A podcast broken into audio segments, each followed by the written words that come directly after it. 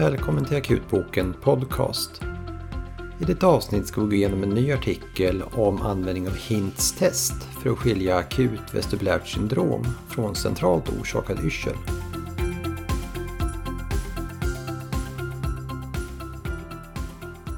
Yrsel är en vanlig orsak att patienter söker akut.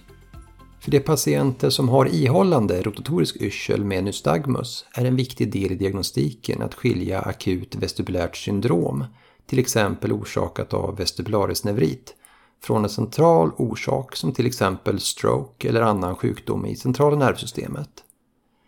Vi har tidigare i podcasten pratat om kemisk stroke i bakcirkulationen där diagnosen ibland kan vara svår att ställa då cirka 10% av patienterna som drabbas av en bakre cirkulationsstroke endast har symptom med yrsel utan andra neurologiska bortfallssymptom som gör att symptomen vid stroke i bakre cirkulationen ofta liknar symptomen vid godartad akut vestibulärt syndrom.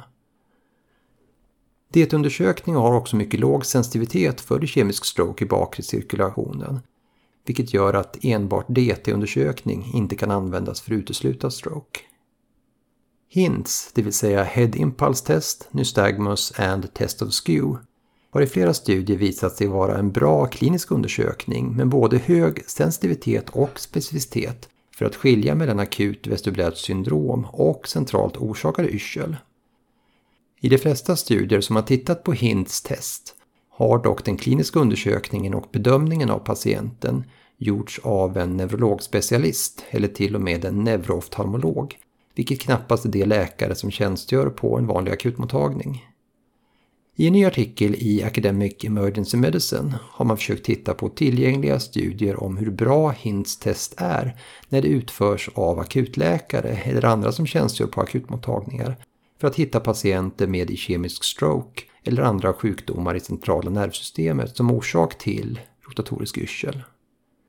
Författarna hittade totalt fem studier med totalt drygt 600 patienter där man undersökt användning av HINTS test på akutmottagningar.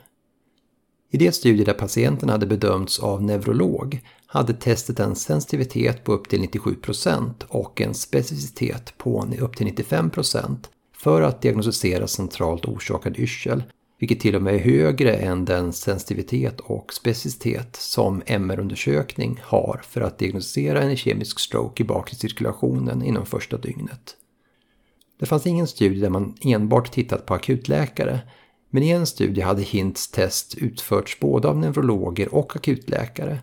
Och här visade HINTS test en sensitivitet på 83% och specicitet på 44% det vill säga mycket sämre än de initiala studierna där patienterna bedömts av neurolog eller neurooftalmolog.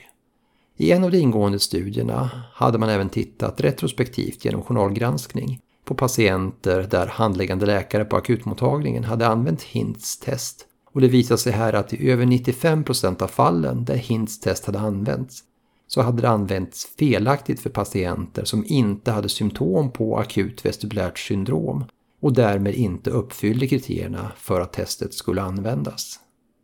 Min slutsats av studierna är att HINTS test har en både hög sensitivitet och specificitet för att skilja akut vestibulärt syndrom från centralt orsakad yrsel om det utförs korrekt av en läkare som är van att göra undersökningen och att testet görs på en patient med symptom där testet faktiskt är indicerat. Som vid många andra kliniska undersökningar så sjunker både sensitivitet och specificitet ganska snabbt om läkaren som gör testet är mindre van vid undersökningen. Och HINTS test är en undersökning som kräver både erfarenhet och vana för att kunna utföra och tolka korrekt.